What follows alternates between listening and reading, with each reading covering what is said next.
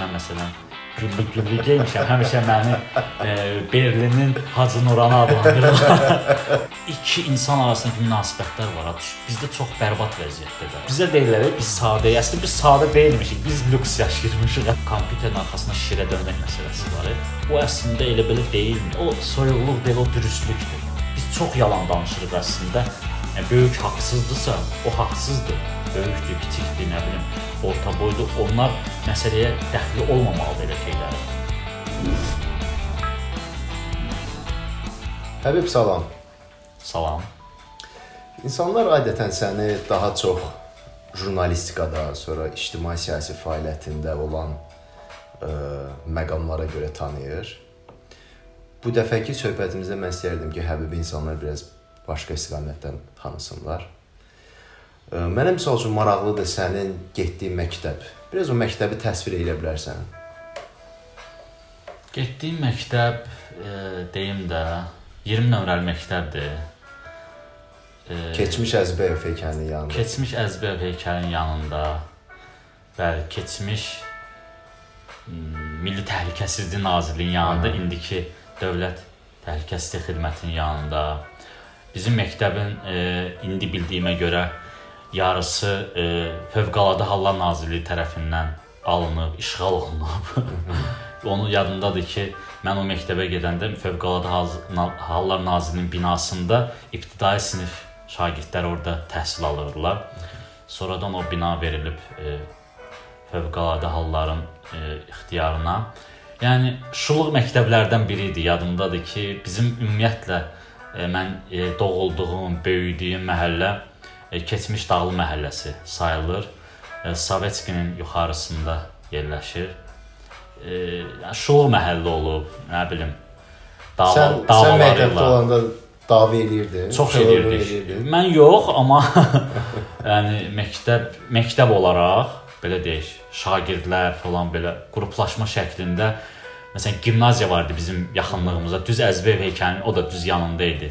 Gimnaziyadakı e, oradakı uşaqlarla təhsil alan uşaq şagirdlərlə davalarımız olub. Başqa məktəb yasamal, e, yeni yasamaldakı məktəblərlə falan belə belə şeylər olurdu. Uşaqlıq ə, e, xatirələrimdə yadımdadır ki, belə şeylər. Və həm də onu da bilirəm ki, bizim məktəbdə çox ə, sayılıb seçilən şəxslərin Azərbaycanda onların övladları ə, təhsil alırdı.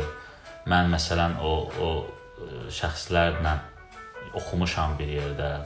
Yəni indi məktəblərdə çoxlu ə, belə müəyyən edilmiş qaydalar var idi. Falan şey eləmək olmaz, söz qaytarmaq olmaz böyüyə, böyük nə deyirsə ona tabe olmaq lazımdır və s. və s. Sonra qaydalardan bir, e, biri şey idi, e, məktəbli forması.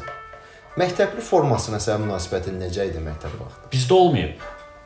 Bizdə ümumiyyətlə məktəbli forması olmuyor o dövrdə 90. Ağ köynək yox qara, idi, yox idi. Yəni mən xatırlamıram ki, bizə standart bir e, rəng və standart bir e, forma biçilsin. Bizdə olmayıb belə bir şey. Yəni 20 nömrəli məktəbdə mən oxuduğum 10 il müddətində elə bir standart olmayıb. İstədiyimizi geyinmişik, istədiyimiz rəngdə getmişik.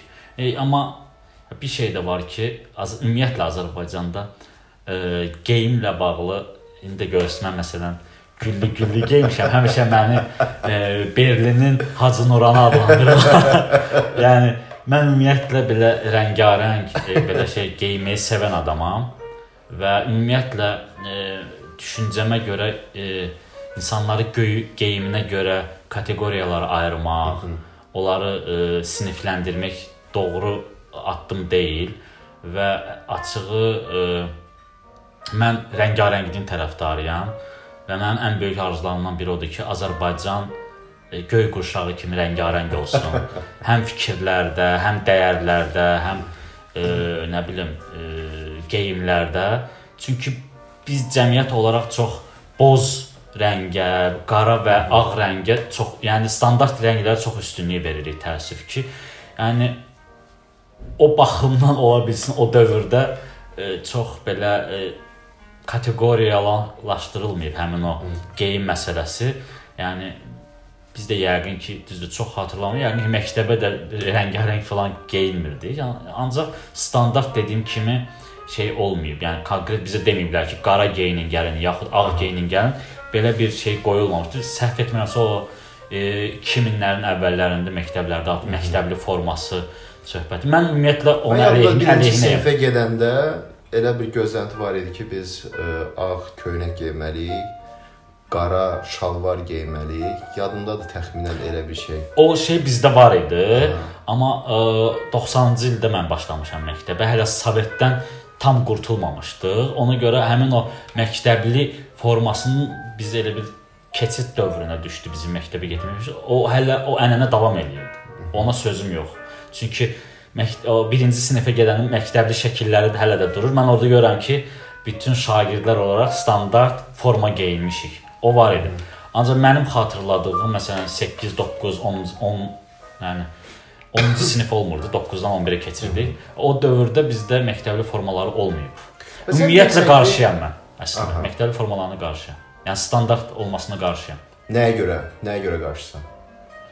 Yəni onun bir arqumenti budur ki, yəni ki, onun tərəfdarları deyirlər ki, məktəbli formasının olması ə, estetik olaraq varlının kasıbdan ayrılmasının qarşısını alır. Yəni ki, hər kəs eyni forma ilə, eyni standart forma ilə məktəbə gəlir. Sonra müəyyən bir disiplin yaradır uşaqlar arasında. Və bu da hardasa onların həyat tərzinə də təsir edir. Yəni, hər səhər dururlar, paltarları qaydasında olmalıdır, ütülənməlidir, onu geyinməlidirlər, çıxıb məktəbə getməlidirlər. Yəni bu bir arqumentdir. Sən nəyə görə buna qarşısan bu? Mən ümumiyyətlə ə, robotlaşmanın və standartlaşmanın, əskərlik ə, prinsiplərinin ə, olmasının tərəfdarı deyiləm.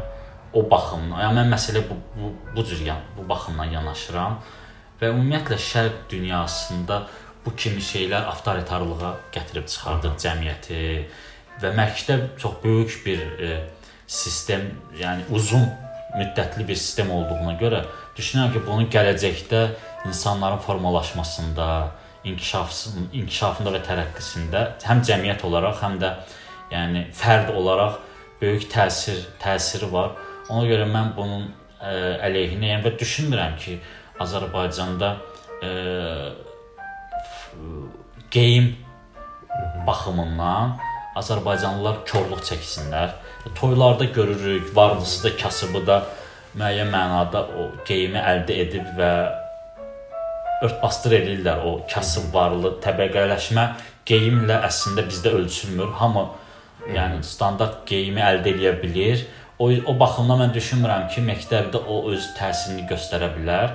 Əksinə onu düşünürəm ki, formalar standart halına gələndə və o müəyyən bir məbləğ çərçivəsində olanda ki, onun məcbur olub valideyn onu gedib almalıdır, əldə etməlidir.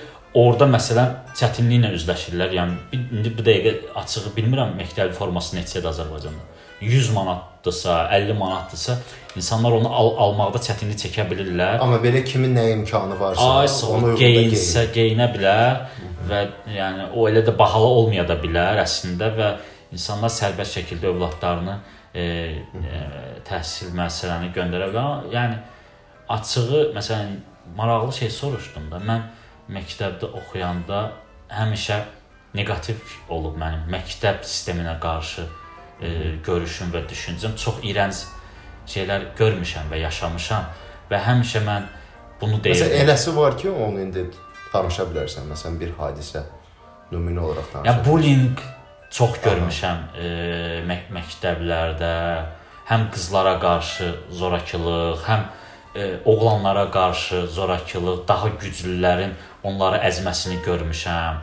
Ondan sonra e, kütləvilik arxasınca gedənləri görmüşəm, tək buraxılmanı görmüşəm. Yəni haqsız tərəf olsalar belə, o tərəfdə daha çox kütlə olub deyə sən e, haqlı tərəf olmağına baxmayaraq e, təzyiqə məruz qaldığımı görmüşəm, təklənməyimi görmüşəm və ən pisi əslində zorakılıq məsələsidir ki, məni çox narahat edib. Həm qızların, həm e, daha gücsüz, cəsarətsiz e, olan insanların, yəni e, kişilərin, oğlanların e, zorakılığa məruz qalmasını bunları gözümlə şahid olmuşam və bu mənə çox pis təsir edib və mən həmişə onu özümdə demişəm ki, mənim övladım nə, nə vaxtsa Azərbaycanda dünyaya gəlsin, mən onu heç vaxt Azərbaycan məktəblərinə göndərmərəm. Hı -hı. O cür düşünmüşəm. O orada oxuya-oxuya bunu özümə bir e, arzu kimi, istək kimi mi deyim, Hı -hı. həmişə təlqin etmişəm. İndi ə, e, gündəlik həyatda, yəni sənin bu yaşında, sonra bizim bir şəhərdə yaşadığımız dövrdə də sənin ə, e, zorakılığa məişət çərçivəsində olan münasibətində mən həmişə bir şey duyuram. Sən dərhal ə, səsini ucaldıb ifadə edici tərzdə bir etiraz bildirmirsən. Mən istəyirəm ki, müəyyən bir an olur ki, sən onu içinə alırsan və bu səni incidir də oradan da. Belə bir şey müşahidə edirəm. Bu... Amma sosial ə, media müstəvisində sən daha çox ifadə edici, yəni ki, əslində sosial medianın təyinatıdır bu. Daha çox belə ifadə edici tərzdə öz etirazlarını ifadə edirsən. Mən maraqlıdır, məktəb vaxtı sən o cür ə, zorakılıq halları görəndə xatırlayırsanmı sən nətər reaksiya verirdin ona?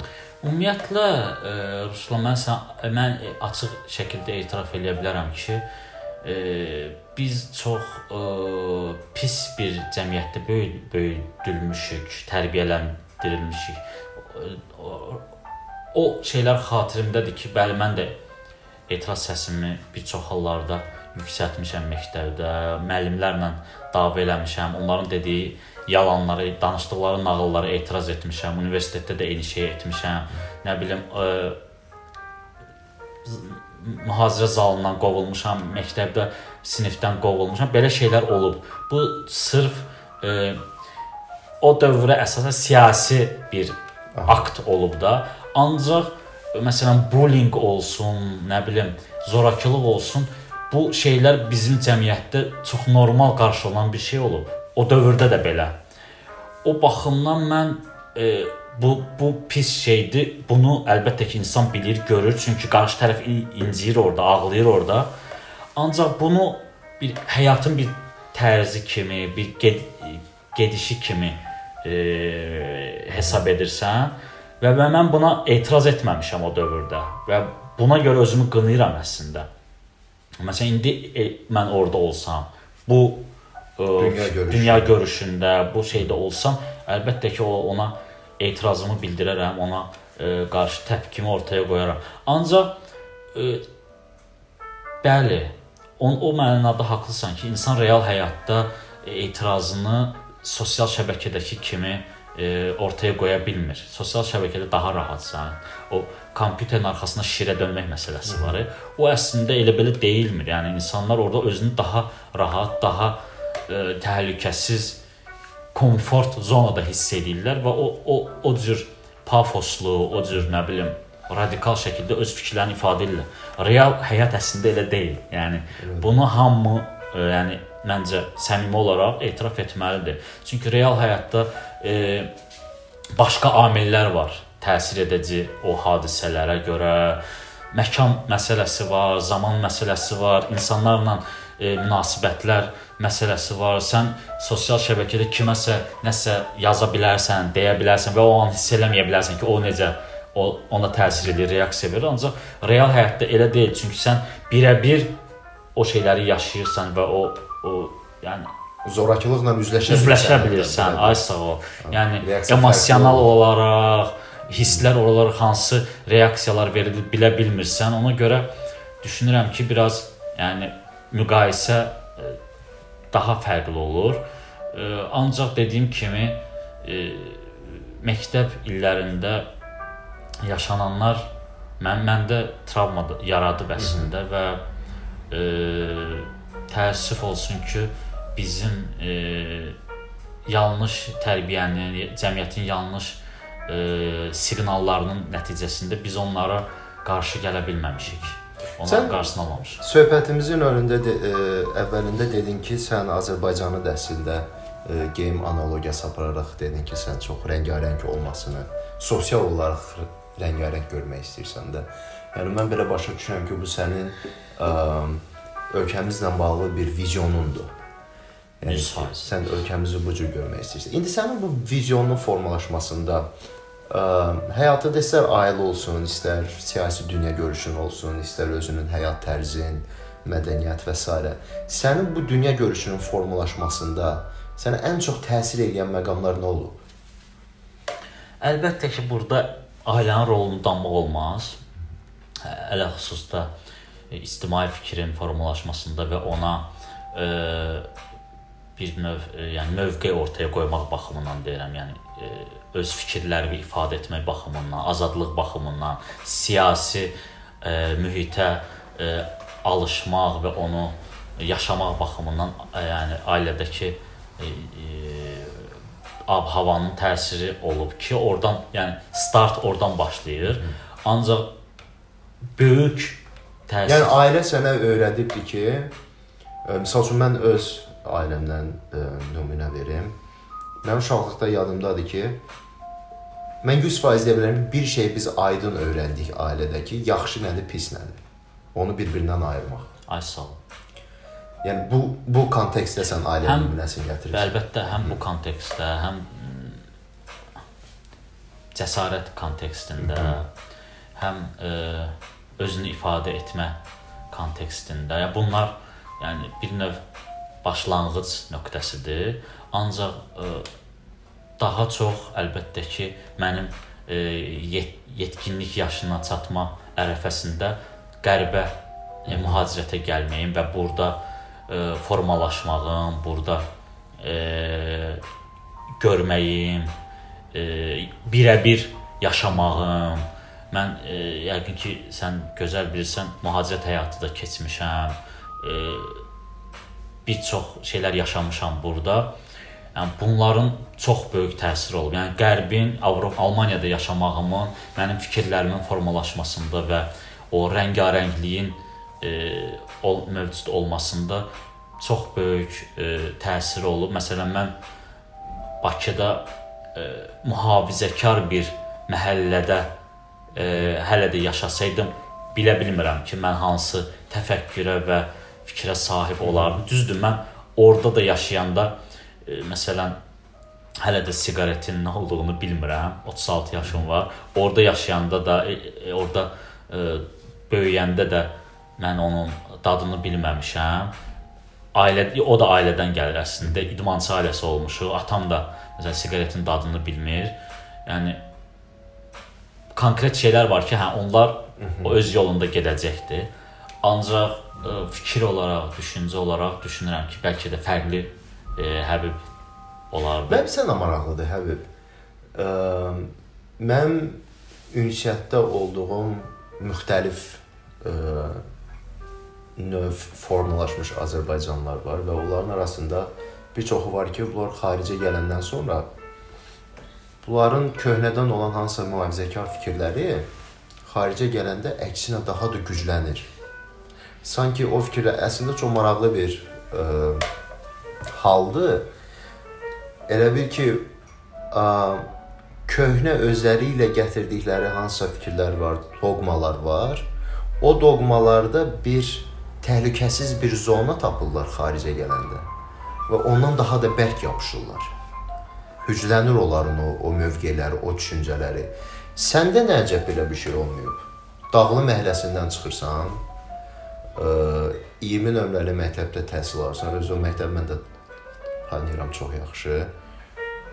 Yəni o cür mühitdən çıxıb gəlirsən bura. Yəni onu anlamaq istəyirəm ki, necə olur ki, yəni bir qanunuyğunluq tapmaq istəyirəm. Necə olur ki, səndə o inandığın o köhnə dəyərlər daha da güclənmirlər, əksinə sən müəyyən qədər açılırsan. Bunu biz e, belə deyək də, e, çox şəxslər əziklik kompleksi ilə ifadə eləyirlər. E, mənə və mən mənim kimi düşünən insanlara qarşı. Mən əslində bunu o cür ifadə edilməsinin yanlış olduğunu düşünürəm. Çünki e, məndə niyə olmadı? Mən inkişafın e, bu yöndə olduğunu hiss edirəm, yaşayıram birə-bir.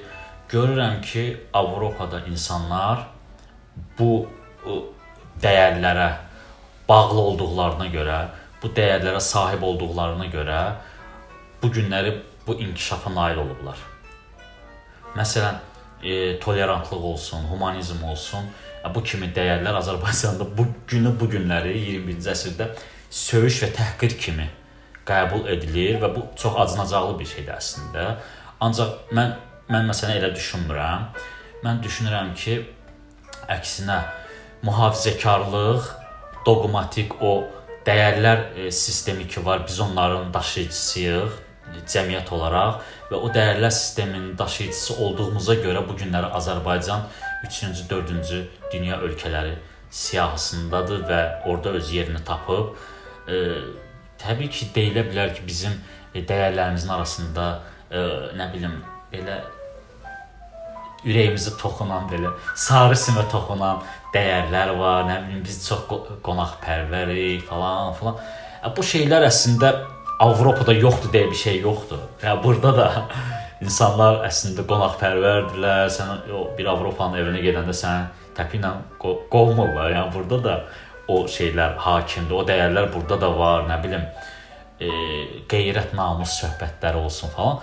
Burada da insanlar qeyrətsiz və namussuz deyillər əslində. Yəni o bizə təlqin olunan kinolarda, nə bilim, şeylərdə deyil əslində Avropa. Mən mənə özüm bura gələndə şok oldum ki, belə mədəni şok keçirtdim ki, mən o kinolardakını görmürəm axı əslində. O tərtəmiz küçələr, nə bilim, şıq evlər əslində elə deyilmiş səndə. Bizə elə göstərilirdi. Yəni mən məsələn gəlmişəm burada daxmada yaşayırdım Berlində.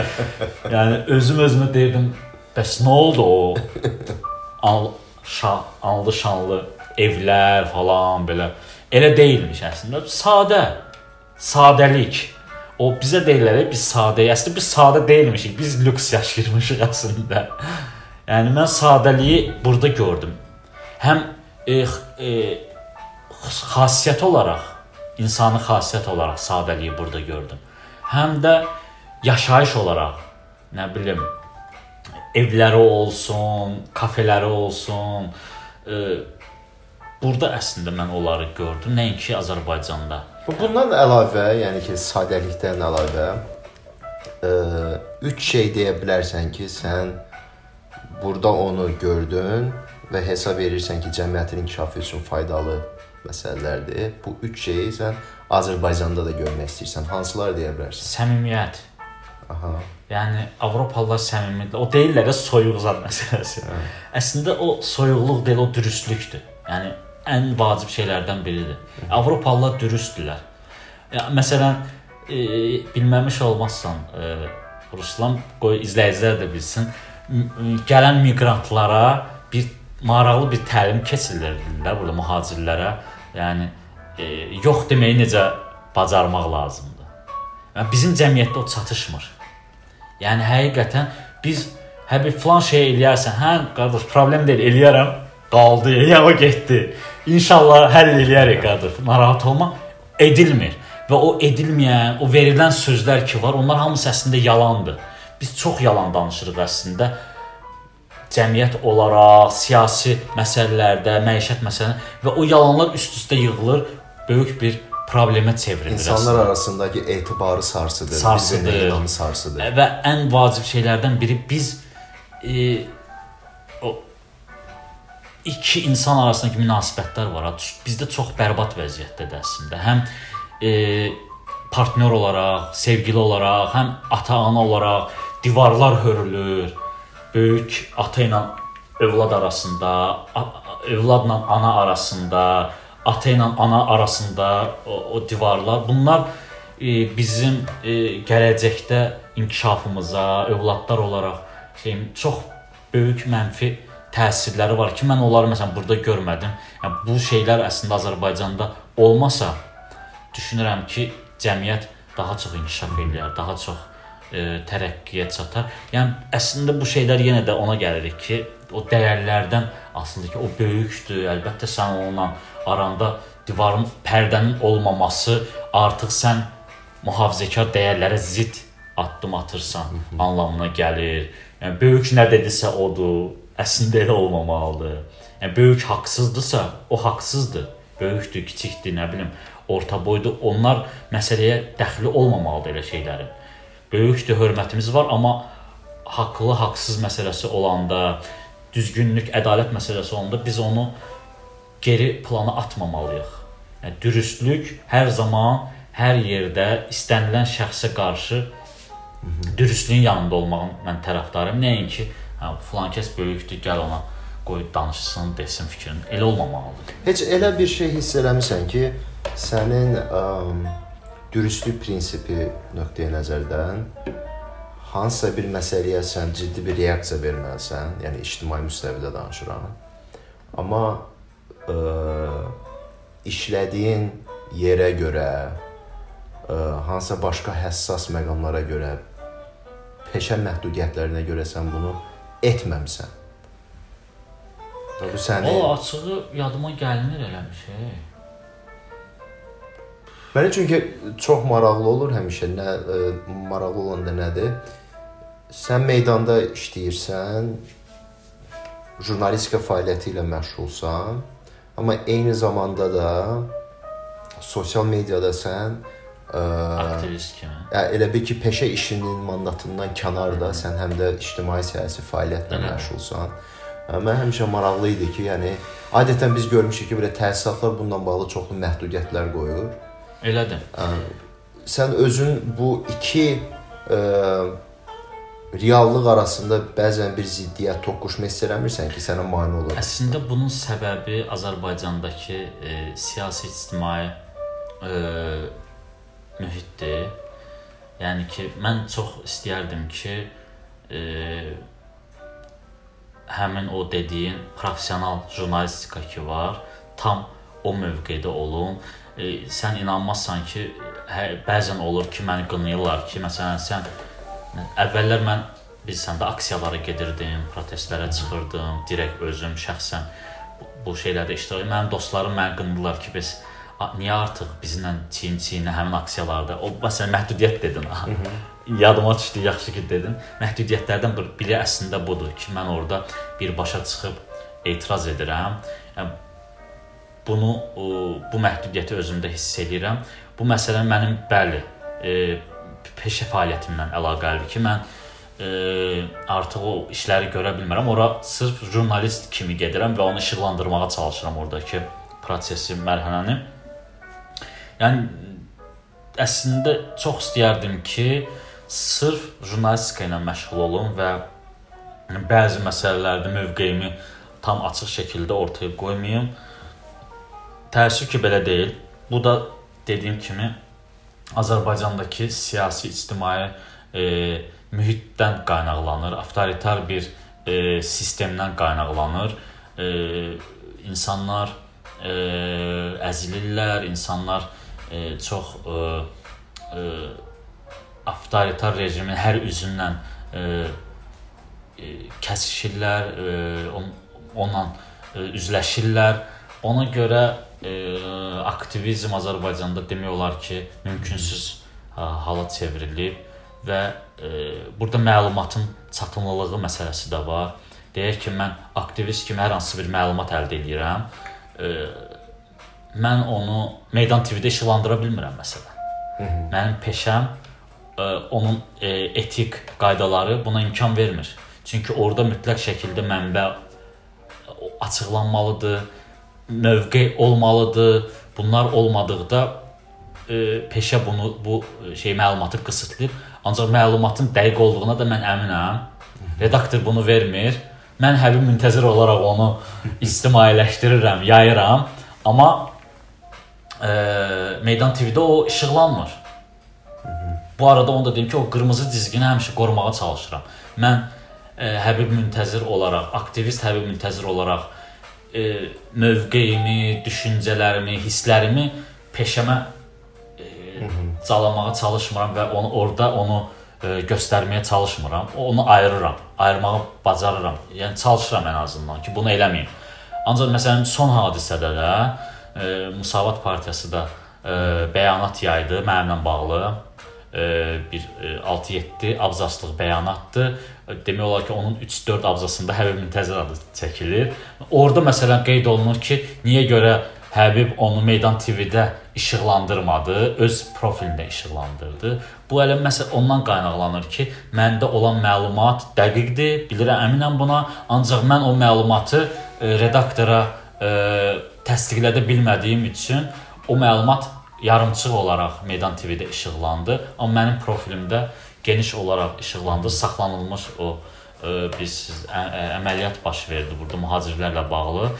O əməliyyat zamanı saxlanılanların adları və onlar barədə məlumat idi ki, mən sırf məlumatı orada paylaşmışdım. Təəssüf ki, Müsavat partiyası bunu yanlış qələmə verdi və onlara qarşı PR planlaşdırılmış bir akt kimi e, qəbul etdilər. Təəssüf edirəm buna. Ya belə görürəm və hiss edirəm ki, çoxlu belə stress idarə etmə ə, e, addımlar atmalısan da sən həyatında. Yəni hər zaman hansısa bir ictimai təpki ola bilər və yaxud da hansısa başqa bir problem üzə çıxa bilər, hansından ki sən həmişə vəziyyəti idarə etməlisən, həll etməlisən. Ümumiyyətlə stress atmaq atmaq demiş. Stress atmaq üçün nə edirsən? PlayStation oynayıram. Aha. Bir dəfə də məni çağırmamısan. Mütləq oynayaq, hə. Yəni FIFA oynayıram. PES-dən xoşum gəlmir. Hə, FIFA oynayıram. Sonra Call of Duty var. Aha. Belə çox zorakı oyundur. Bilirəm ancaq ona çox maraqlı olur stres atmaq üçün. Ə, ən ən çox açığın deyim, stres atdığım işlərdən biri dostlarla ünsiyyətdir və həmişə dostlarla yığılanda deyirəm ki, gəl siyasətdən danışmayaq. Siyasətdən başqa hər şeydən danışaq. Dostlarla bir yerdə olmaq, onlarla bir yerdə ünsiyyət, bir yerdə əylənmək. Yəni mənim ən böyük antistres dərmanımdır, belə deyək. E, və e, başqa nə var? Başqa hiss etdiyim bir şey də var. Biraz mövzu, e, yəni indiki sualdan uzaqlaşırıq. Sən ə, mənim tanıdığım ə, dini dünya görüşü olan insanlar arasında ən ə, tolerantlarından birisən. Yəni mənim ə, müşahidə etdiyim qədərilə sənin dini dünya görüşün, həyatın o sənin özəl sahəndir və heç vaxt sən onu publik məkana çıxartmırsan. Bununla bağlı istəyərdim ki, biraz daha çox əgər şəxsi sual deyirsə, biraz daha çox açıqlama verəsən ki, ə, e, heç elə olurmu ki, məsələn, dostlarınla görüşdüyün zamanı sən görürsən ki, ə, e, danışılan hansısa söhbət və yaxud da edilən hansısa hərəkət bu nəinki ictimai etik qaydalara qarşıdır, bu həm də əsasən sənin inandığın dini prinsiplərə qarşıdır. Yəni bu bu cür ə, e, anlarda nə hiss edirsən, nə yaşayırsan? Əvvəllər daha çox ə, özümə qadağalar qoyurdum bununla bağlı. Çünki çox mühafizəkar idim və ə, dindar idim belə deyək. Sonra yavaş-yavaş gördüm ki, ə, əslində doqmatik ə, dəyərlər ümumiyyətlə təlqin insanları tək bu sadəcə dinlə əlaqəli bir şey deyil. Məsələn deyək ki, çoxu Həbib Müntəziri necə tanıyır da? Ancaq siyasətdən yazan, danışan və realda Həbibi görənlər deyirlər ki, biz elə bilirdik sənlə oturub belə ancaq İlham Əliyevdən, nə bilim, e, Əli Kərimlidən, yəni siyasi söhbətlər eləyəcəyik. Əslində heç heç də elə deyilmiş. Yəni, həqiqətən mən düşünürəm ki, bu təkcə din deyil. Məsələn, deyək ki, mən idmanla məşğul oluram bir insanı oturdum qabağıma, başlayım bütün gün ona idmandan danışmağa, futboldan da, insanlar iyrənəcəklər. Onlara belə çox ə, e, şey gələcək. E, yəni çəkici gələcək də, nəinki ə, e, qucaqlayıcı, itici üzrdən, çəkici, it itici gələcək. Ona görə mən düşünürəm ki, hər e, məsələ belədir. İnsanlara təlqin edir. Sən namaz qılmalısan, oruç tutmalısan, cəhən, cənnət, cəhənnəm var bütün günü belə bu həm dindən soyudur, həm nə bilim dəyərlərdən uzaqlaşdırır. Yəni bu bu cür münasibət hər şeydə belədir. Bütün gün oturaq ki, e, siyasət belə gəldi, belə getdi. Mən əlbəttə ki, e, e, ictimai mövqeyinin, siyasi mövqeyin olmasının tərəfdarıyam. Bu olmalıdır. Bu, bu başqa bir şeydir əslində. Ancaq düşünmürəm ki, sən bu siyasi mövqeyi, ictimai mövqeyi, dini mövqeyi, nə bilim, dəyərləri hər zaman ə, insanları buna bezdirməlisən, yormalısan. Biraz relaks olmaq lazımdır. Yəni biraz düşünürəm ki, sərbəst, rahat, rahat ol, yəni. Ə, mən bunun tərəfdarıyam. Bu bu bu şəkildə əslində daha çox sən öz dəyərlərini e, belə deyək də reklam eləyirsən. Və mən dəfələrlə bu ə, məsələn tərifimi deyim, bu şeyi görmüşəm ki, nə bəlkə də təvazökarlıqdan uzaq olacaq. Kaş bütün dindarlar məsələn Həbib kimi olardı. Bu şeyi çox eşin, ya nə bilim, kaş bütün məsələn, məsələn deyim, müxalif düşərgədə olanlar sənə kimi olardı. Yəni məsələn mən gedib oturanda bir e, iqtidar e, düşüncəli insanla bir çay içəndə, bir söhbət eləyəndə, yəni insana belə şey olmamalı. Sən onunla nə işin var? Dəfələrlə eşitmişəm ki, sən filan kəslə niyə oturub durursan. Ya bu cür uçurumlar əslində olmamalıdır. Mən ateist dostlarım var mənim ki, yəni Allahı inkar eləyirlər. Eyni təfqi dindarlardan gəlir ki, sən ona nə alıb verəcəyin var. Hə, məsələn, bir məclisdə oturanda şərab içirlər, nə bilim, vodka içirlər. Ola bilər də mən də kola içirəm.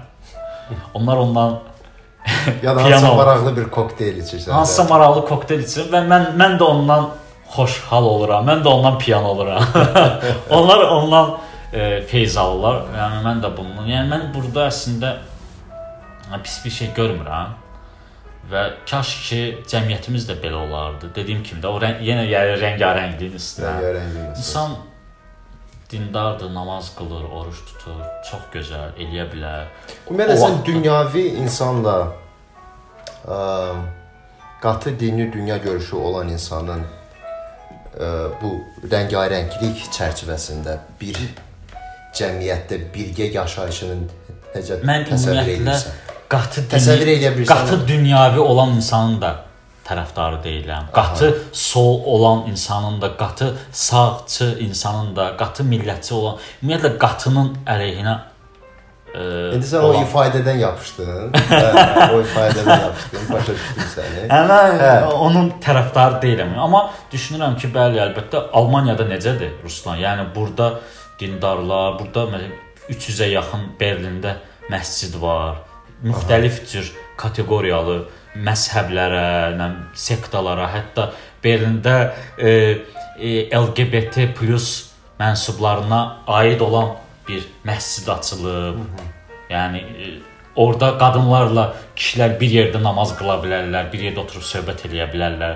Buna qədər gəlib çıxıb dünyamız biz hansı qatılıqdan, yəni kateqori kateqoriyalara ayrılmaqdan, yəni bundan məncə qurtulmalıdır həm dünya, həm əsasən də bizim kimi cəmiyyətlər, şərq cəmiyyətləri, yəni çünki bunlar bizi ölümlərə aparır, bunlar bizi itkilərə aparır, bunlar bizi müharibələrə sürükləyir. Nə qədər e, tərəflər arasında uçurumlar yaran, yara, yarananda bunlar axırda bir yerdə gəlib toqquşacaqlar. O toqquşmaların olmaması üçün bunlar bir yerdə olmalıdılar, bir yerdə əylənməlidirlər, bir yerdə gözəl işlər görməlidirlər ki, dünyamız daha e, proqressiv dünyaya çevrilsin. Amma bu günləri məsələn mən onu görmürəm. Çox təəssüflənirəm ki, Qərbin özündə belə sağ, qatı, bayaq keçir, qatı, sağ meylli insanlar artır. Bu yaxşı bir şey deyil və e, liberal e, liberalizm süquta və e, yəni şeyə uğrayır və bu bu əslində yaxşı bir şey. Bundan sevinənlər var ya, bunun nəyinə sevinirik? Yəni mən əslində sərhədlərin aradan qalxmasının tərəfdarıyam. Yəni e, dəmirlərə, dümürlərə görə insan həyatı puç olmamalıdır. Silah mən məsələn silahların ə, e, olmamasının əleyhinə və mən bunu da başa düşürəm ki,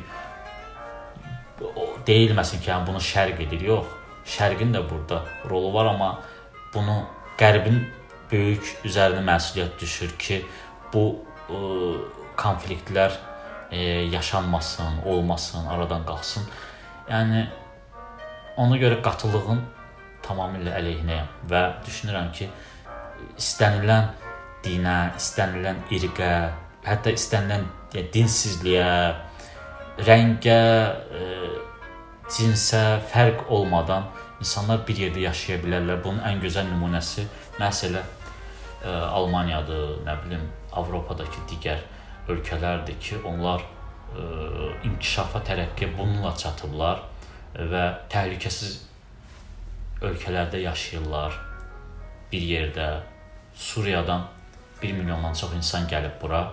Görür ki, yaşaya bilirlər burada mehriban şəkildə yaşanılır. Suriya kimi ölkədən müharibə görmüş, nə bilim, şərq, müsəlman, ancaq yaşanılır. Deməli, Azərbaycanda da yaşamaq olar.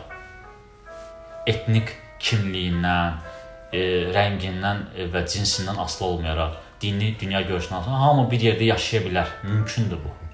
Yəni bundan qorxmaq lazım deyil. Həbib minnətdaram.